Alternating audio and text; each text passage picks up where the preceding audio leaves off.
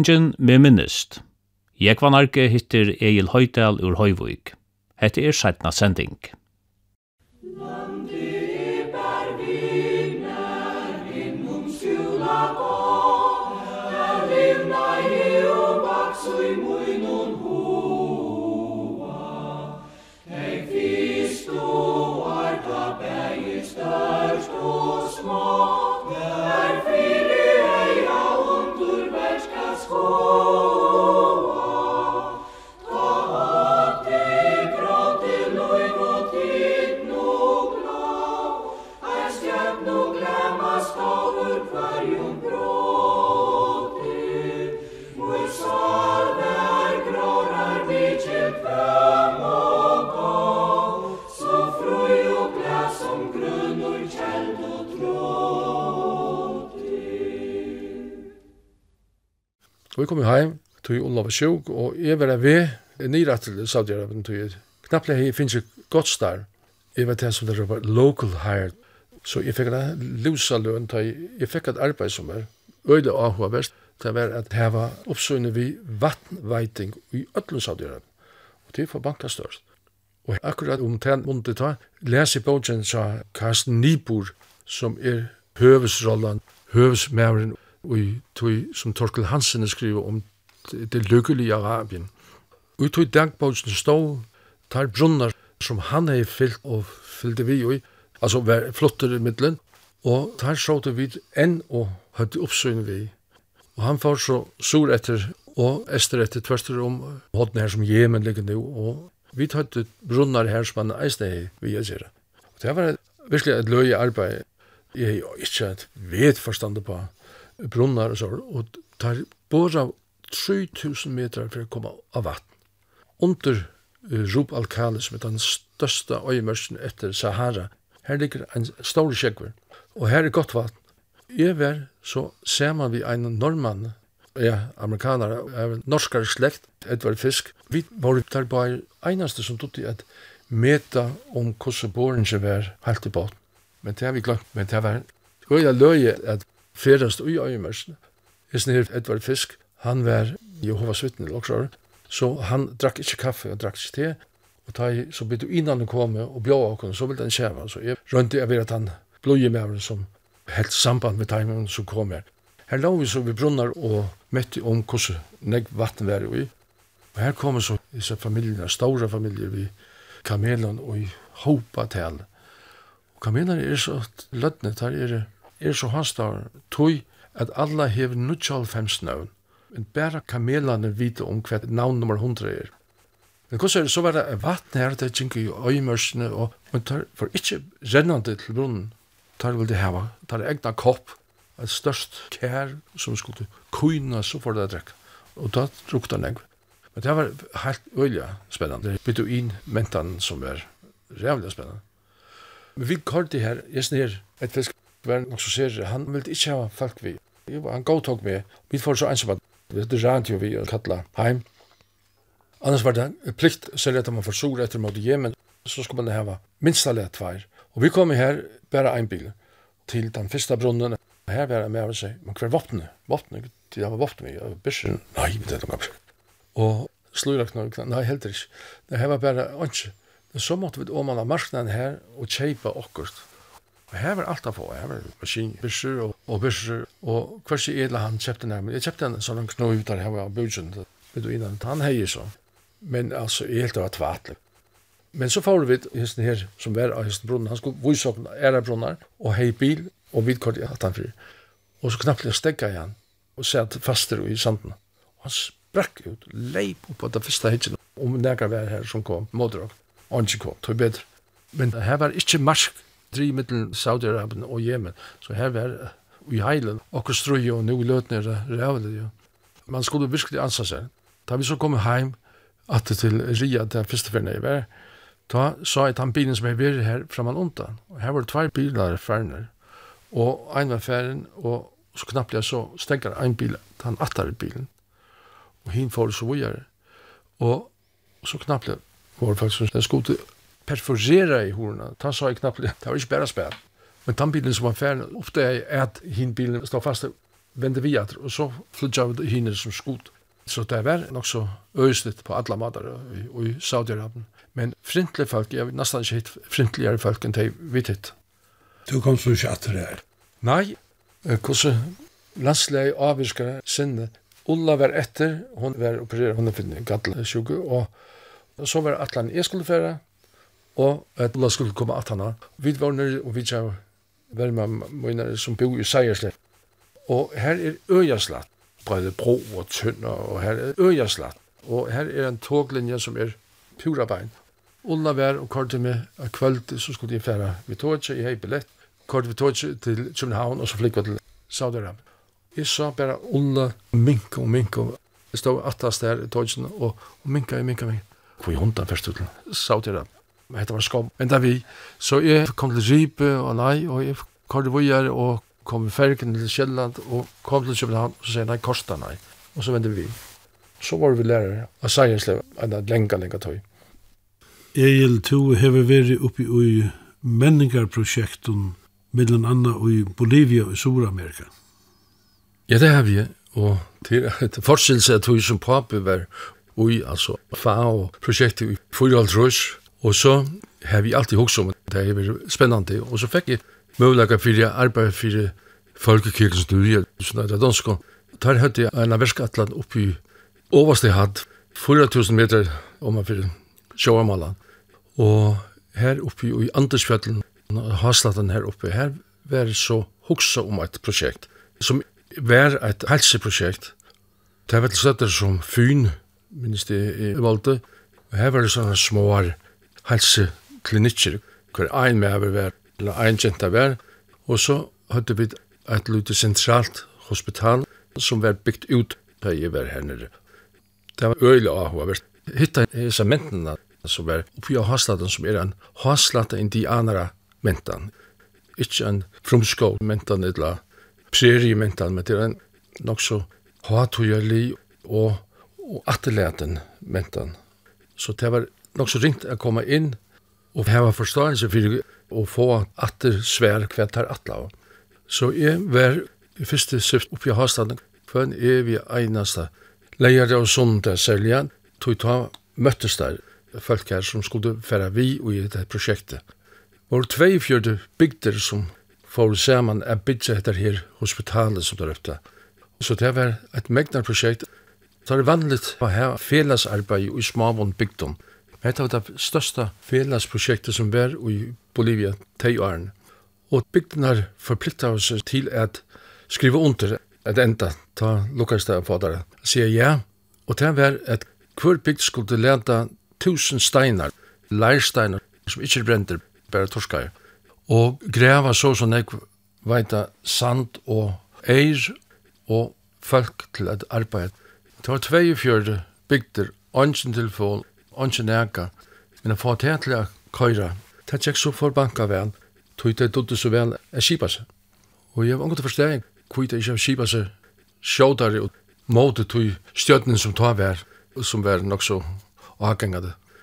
Nå, men uh, de arbeidet kom hver eneste bygd og tog rævfylsene som var, og i minst ene fyrir så skulle det avlevere hva det hette, just tusen steiner, mangla i seitja ein bygd kontrollera, de må rønne til kon.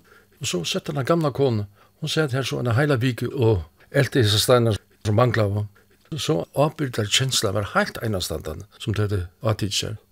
Og det ble så bygd etter her hospitalet, og det var en øylig varsla.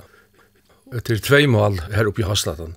Tog jeg bedre tås at det er ikke så godt spangst, og jeg heldur, altså jeg skulle eisne, så vi stod av jøvnum, men det tåsa så eimara som jeg ikke stod med, bare fæta i okkurstu. Og så var varsla, og her kom 42 orkester og spalte samstundes, men ikke det samme. Og da vi gikk i posisjon rundt om hospitalet, så nå var bygd livet. Og der her var det tradisjonen, da vi bygde, så skulle vi legge en lama foster i kvarne hodne av bygningsen. Det var leget. Og da så alt var livet, så skulle en vuxla være fram, og til Pachamama til Mojør, Her har øl etla okkurst anna vi på skål for ødfartsvinn og støtt øl av gulvet som var så fint. Men det lukkast redda det. Men det var så trobult a bitja der her tog at Bolivia var en rævligere inflasjon og rævligere støve og undantøk i heiland da militære og politiet kom. Men ikkje her. Og ikkje var a kjeipa, så alt var, altså, gulvet var kjeipa, eh, vi er i hundra tusen steder kjeipa bare ei færmedre av gulvet omkring stedene. Men til lukkaist, og hospitalet stender enn, blir brukt, og her stender en plan om et hvit kjørte det, og navnet som er stender reisende her. Det var stender i Bolivia, faktisk. Men det vekra, altså det helt ene standard vekra var at her var en biskoper som var begge indianere og, og her i Vatikan og, og utbygget. Så han helt en røve, takka røve, av fyrst Aymara og så av sponskon. Og solen skal og ein vimmer som, er, som var prester av stedet, han svoi meg. Det var så trutt, alt det der. Men varslan var ein standard. Og så var ein med som kom, han boi nirri i La Paz, han var ingeniør, og han gav så ein littapille som skulle løysa her. Og den etter kom politiet og tog lyktapille, då han er stålen. Men det var vel puksa. Men hitta etter her frumfælse som hever en religion som er øyelig apropos alt som du teker fra hjørnet skal du djeva atter. Så man skal alltid offra okkurst. Ja, og så er det at man drekker øl, så skal man alltid stå av gulvet eller hjørnet. Tøy, pachamama, hun skal hava det. Det høyt har glemt en av tøy, og så uh, var en mevel som var i bygningen her, som er vært i en større bøy, og har hørt om elektrisitet en havspenningskabel tjekk i luften tverster om her vid arbeidet. Og ein bygd hei vært så snilt at hala streim nir utan å sida nega. Og knappt det så kom tei fælsen som åtte elversi og så det hetta gonger ikke slå fra. Så får det etter disse mannen som vi tøyde av arbeidslåsen. Og han hei så sier flere finna han er bygd nir her elstreim i vær. Så får det etter hon. Og han får ut i bygdna her var høgt oppe så det høyde ongan stia som rakk opp her og slå kontaktene til. Og så buntar tvær stier saman, og bunti han et stian, og får a svadja på henne, da fikk han haspenning seg. ur vinstri hånd, ut i høgri hånd, og stå som en loje, et ljós, på okra måte så datt han, han ivelevde, men så han tog bare han hetse, og til det, han visste ikke at det var så farlig, så han døg ikke, til det, man skal ikke lusta etter hva det sier i boken og så, han rønte seg, Og vi knaver på nekva matar bytja og finne det og hva jeg skulle gjøre så. Men så var nøyet at offra gjøre en særlig altar til Pachamama og få henne og i bedre høyre og templet så hilde og jeg spurte meg slapp vi nei, kosta nei, jeg skulle ikke slippe vi så jeg tror ikke rettelig men øyelig spennende var det og, og det lønna var at her var et sle av lagtna hjelp som gonger helt etter i tøyna til inka tøyna Tui Bolivia er tann fjóringren som Inka Rujtje var búttoi, som eitir Kalja Suyo, som er helse, helsefjóringren. Og her er einare fjallasøye er bægi evir kævi og så i botna er tråper.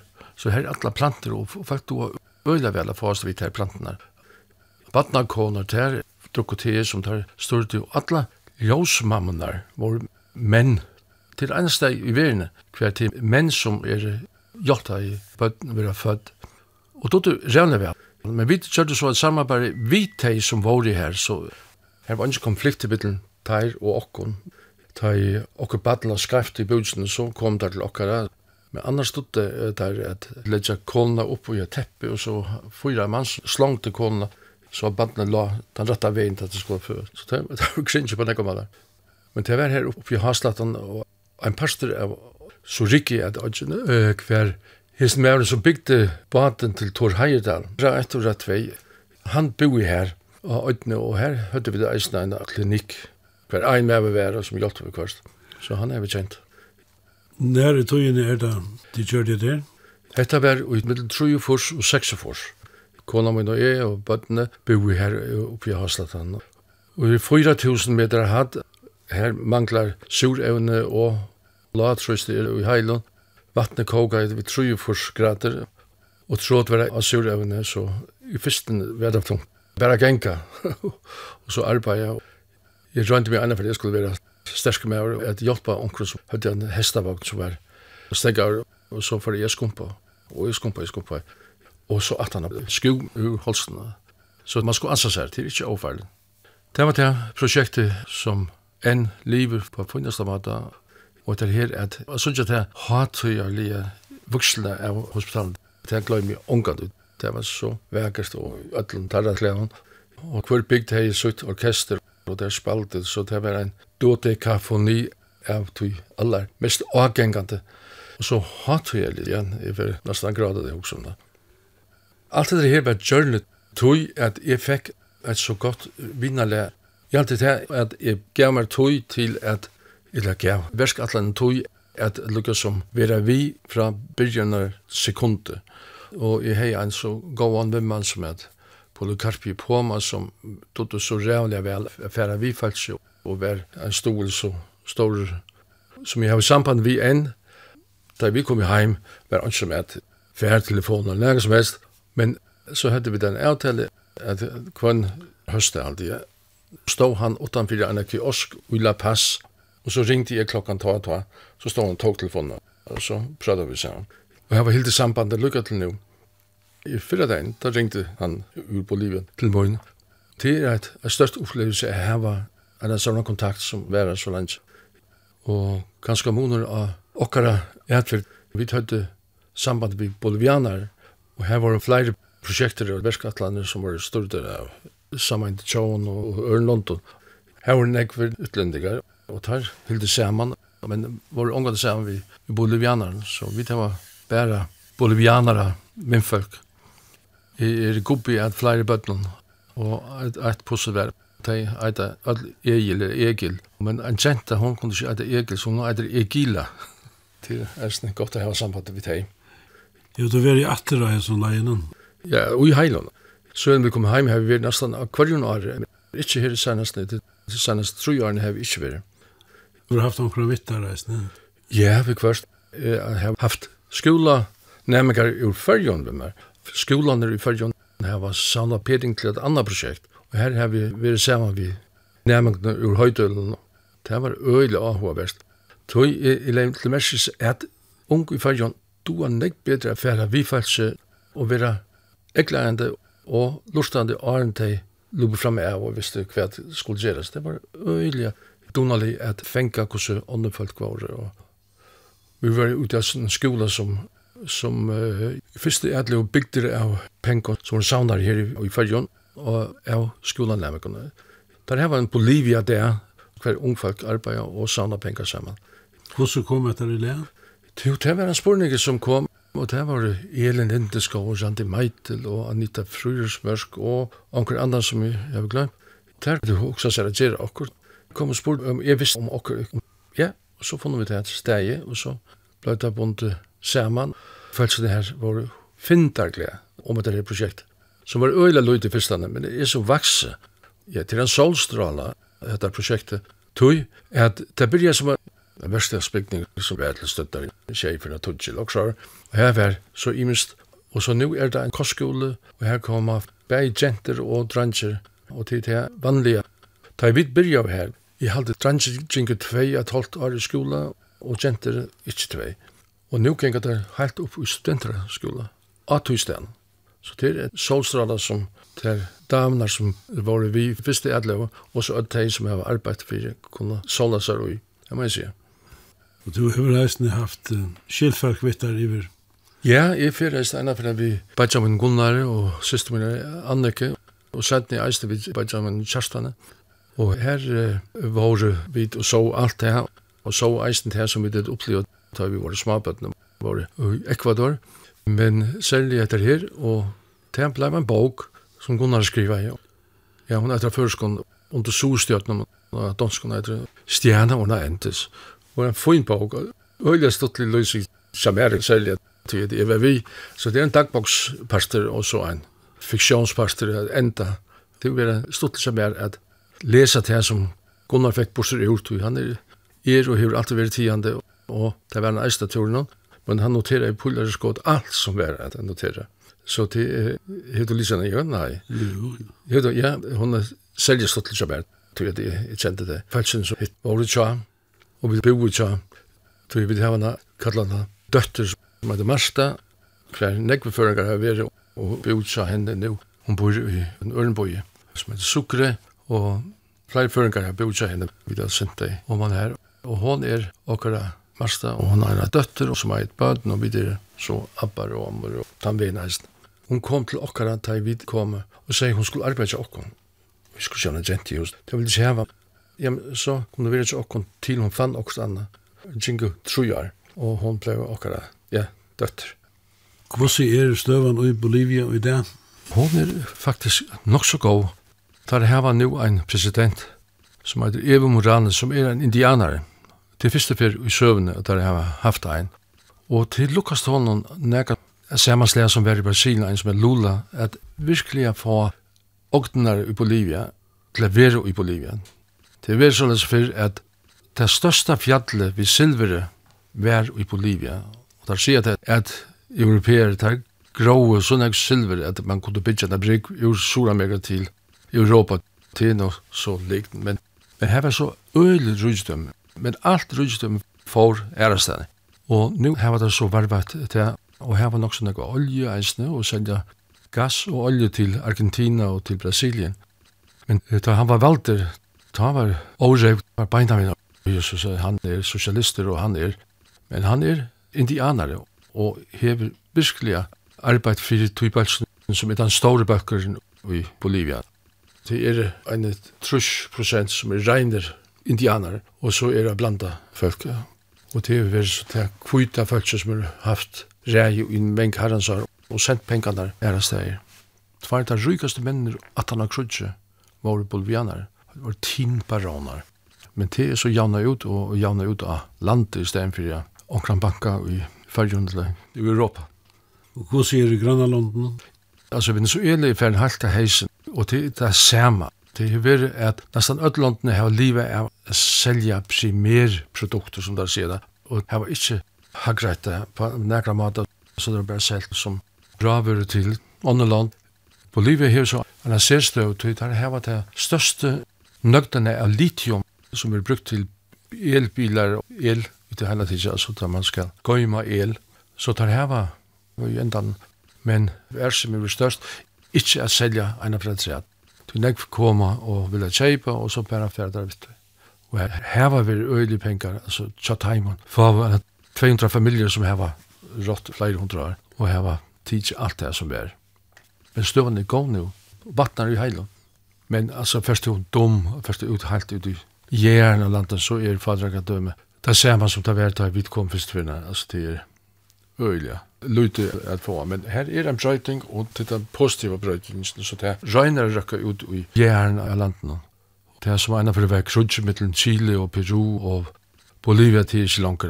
Det er doa, jeg færre han ble vi kvarnøren, så er vanlig, og i råkte vi det er for å. Du hever verið vi i mongun örun imiskun projektum her ivri. Bæg i NGO-regi, som jeg sier det, altså non-governmental organizations. Det har vi vært i, jeg har eisne vært stånare av en NGO som er i prosjekter. Og det har vært om hona, byer, og det har vært om et slæ av lagtna hjelp hver, særlig de medisinen som lagtna det som det råpa danskum bafuslegene, det er nytte, og det har vi skrivet om, og, og lagt vekt av hvordan donalig den medisinen er. Men det kommer til infeksjoner og så, så stender det av. Ta i penicillin og alt det her som vi har her, til det her rigger. Men uh, hentet her medisinen som er etterskommende og hever råd og inkarudgen, hon rigger og nekven, sjukken, hattar sjukken, herveligt da man kommer här uppe i Åvastli hatt her i 4000 meter och och så gäng och arbete här så är det kokablöin det går inte kokain men kokablö te ur kokablöen och det har vi brukt i alle medisiner, det vill jag godt. det är inte løft att importera men det kommer gott nok som medicin Og du har eisne arbeid innanfor landbuna. Jeg har vært i sånne her prosjekten og imsesle. Ta kom onker og spurte om jeg ville vera vi ut i deltene som landbunaren i Danmark hever som central. Det var 800 folk som arbeidde, og her var så en international delt, og her var det så og hei prosjekt om utbygging innanfor landbunaren. Og det var alle stedene i Russland, særlig, ja. Jeltsin leika jo i her, og alt for av heisen her i tøytøyne. Så rønne å bygge seg store kolkosner opp etter og få akkurat kurser. Som er i eisen den baltiske landen også deg. Ja, så var verskattlerne som Bernspanchen hei eisne vi okkon, og vi var nekva stedane, Middelanda, Bolivia eisne, og Uganda, Bangladesh, India og æra stedane. Det var eisne øyla spennende. Men eit halt annan slæ eisne, sjónar mi var at verskatlan skulle hjelpa daimann, men her var ikkje færre samarbeid vi til. Det var det som jeg halte at NGO fyrtøkna doa nek bedre, og det lukkast i Bolivia. Men hette her så kjem det vi en folksromaun, projektet og sier hette tid som skulle hava dette projektet. Og så var det nok så stor administrasjon eisne sett, og folk vil ha sett det. Stora løn og tar det så færre, så hender mer enn ofte at, ikke alltid, at uh, prosjektet for heisen tar folk er lio, altså det blir et avslutta prosjekt, hvis det er en et veksande prosjekt. Hva er det var enda målet vi er snartøkken og nødtøkdøms Russland og Baltiske London? Nå, det var kanskje meira myvust og eisne meira beskjegi. Her får så store fyrtøkene som et landbjørn, og alt var færre. Ikke en kikk, en fjås her. Plass for 2019 og ikke var. Så bidja en landbjørn, det var øyla spesialisera til øyla sovjettøyene. Ein hei vi neid, ein hei vi, det var ikke sammenhenger. Så at gjøre det meira sammenhengende som det gjør i Danmark at du til Vestkurset. Men for vi gjørne og gjøda og alt det her, så det var meira en halvdar utbygging enn det spesialisera som alt sindreist og smildreist, ta i kostnar dottu saman. Her var landbunar skolar som er kjender i Danmark eisne, farmers schools, fire folk som tas for at vera landbunar folk. Og det rikka i rymlig godt, og det kar Men det var bæg Danmark som led pengar til Russland, beinais, men en annan ett projekt som var till officerare som noen knappt ikke arbete hade. Så der fick jeg et störst øde, och her var som bygde en skola hver där som lärde att jag vi lamporna. Nok så ett projekt i Danmark och kurser. Og så i Baltikum var den lødna at de ville jo større reibande komme inn i EU. Og så var kvært var kraft fra EU så skulle de litt til oppgavene, og hver finne etter litt oppgavene som var krevet større, og så de måtte få det seg. Men eisen innenfor landbyene som er nok så størst, her skulle vi så ville vi et hjelpe dem at komme og til støy som er kraft av EU. Etter her som er i Uganda og Kenya og Bangladesh, Bolivia og India. Det var et verdensbanka-prosjekt, hvor man rønte å løse støvnet fra de allra fattast bøndene, og innanfor landbjørn røyna at bytja det opp. Det var for bankaspennende. Jeg røyna løysa det, og her er flere bøker som kom bort til urtøy, som vi derfor skriver om. Men det var ikke beinleis en verskatlan, det var bare en løysingaratlan. Og varst du så uiøtlende som land? Ja, ja, flere jeg og kona, Og så er det bølger i timelandene som vi så samarbeider vi, som var vi til å skrive om støvene. Og jeg var alle stedene, ja. Jeg var i Uganda, og her jeg var så kveitsende. Vi stod ute i Fromskån, eller helt ute i stepane, altså, men det er dansk. Nek folk, og imisk folk, og imisk ja, kyrkjer. Og av hverjum var anker byen om å bya for den funden.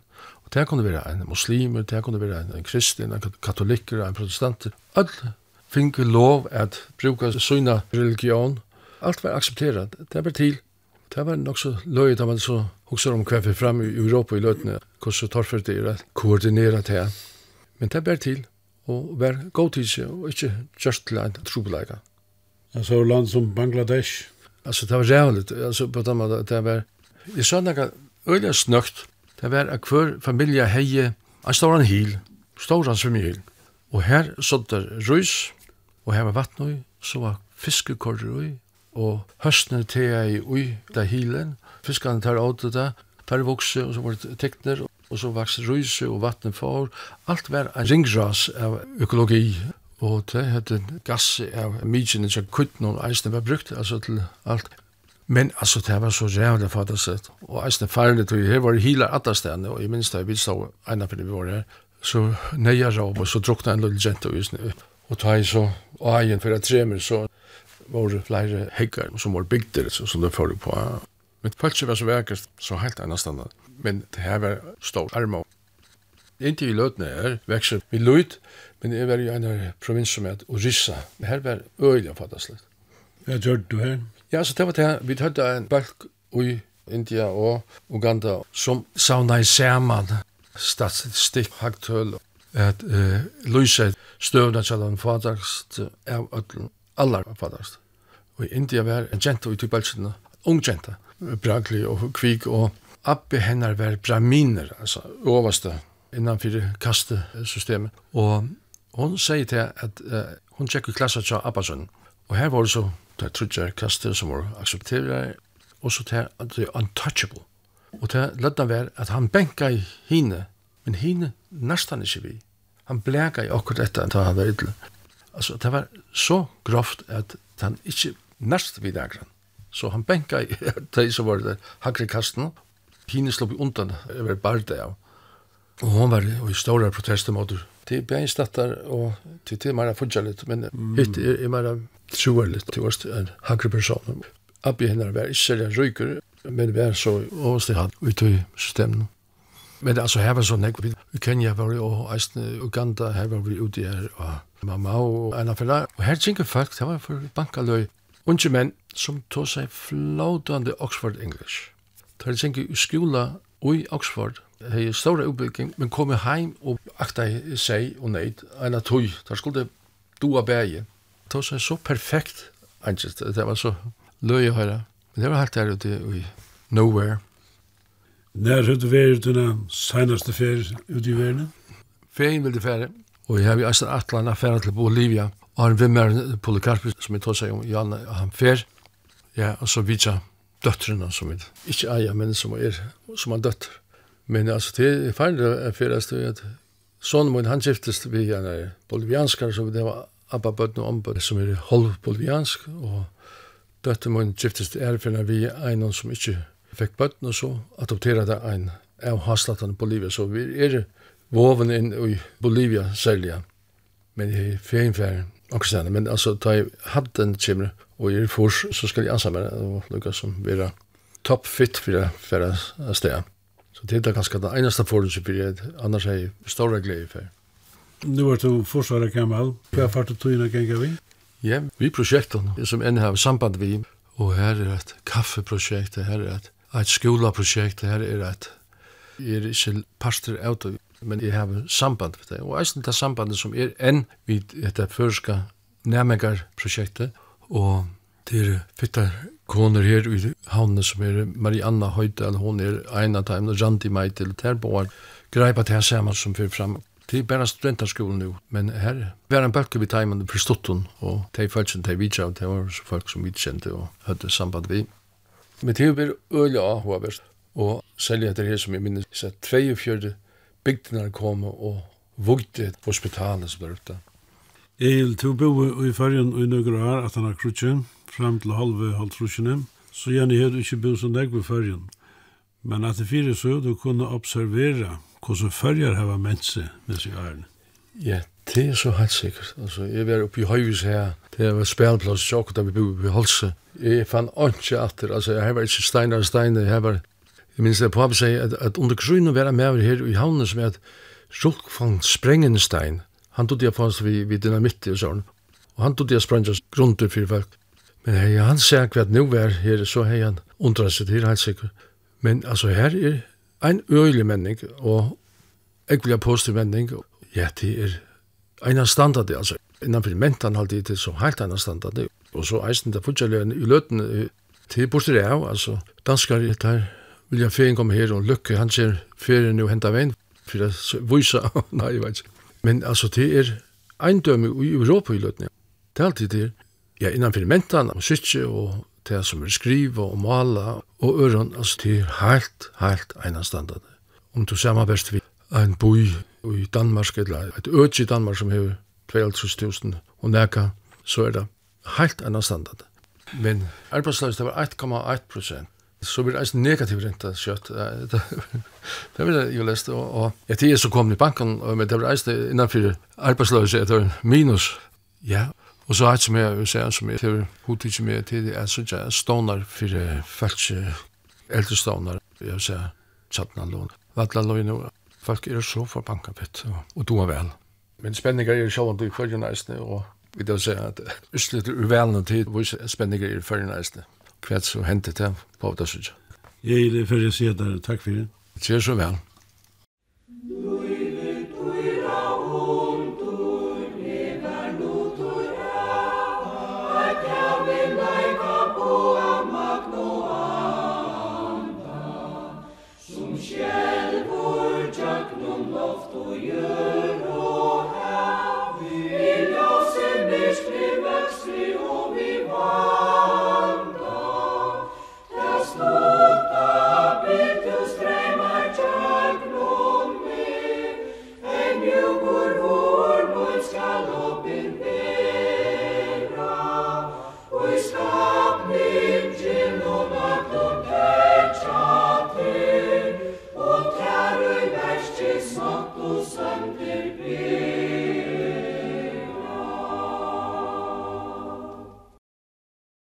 Hatta var sendingen med minnist.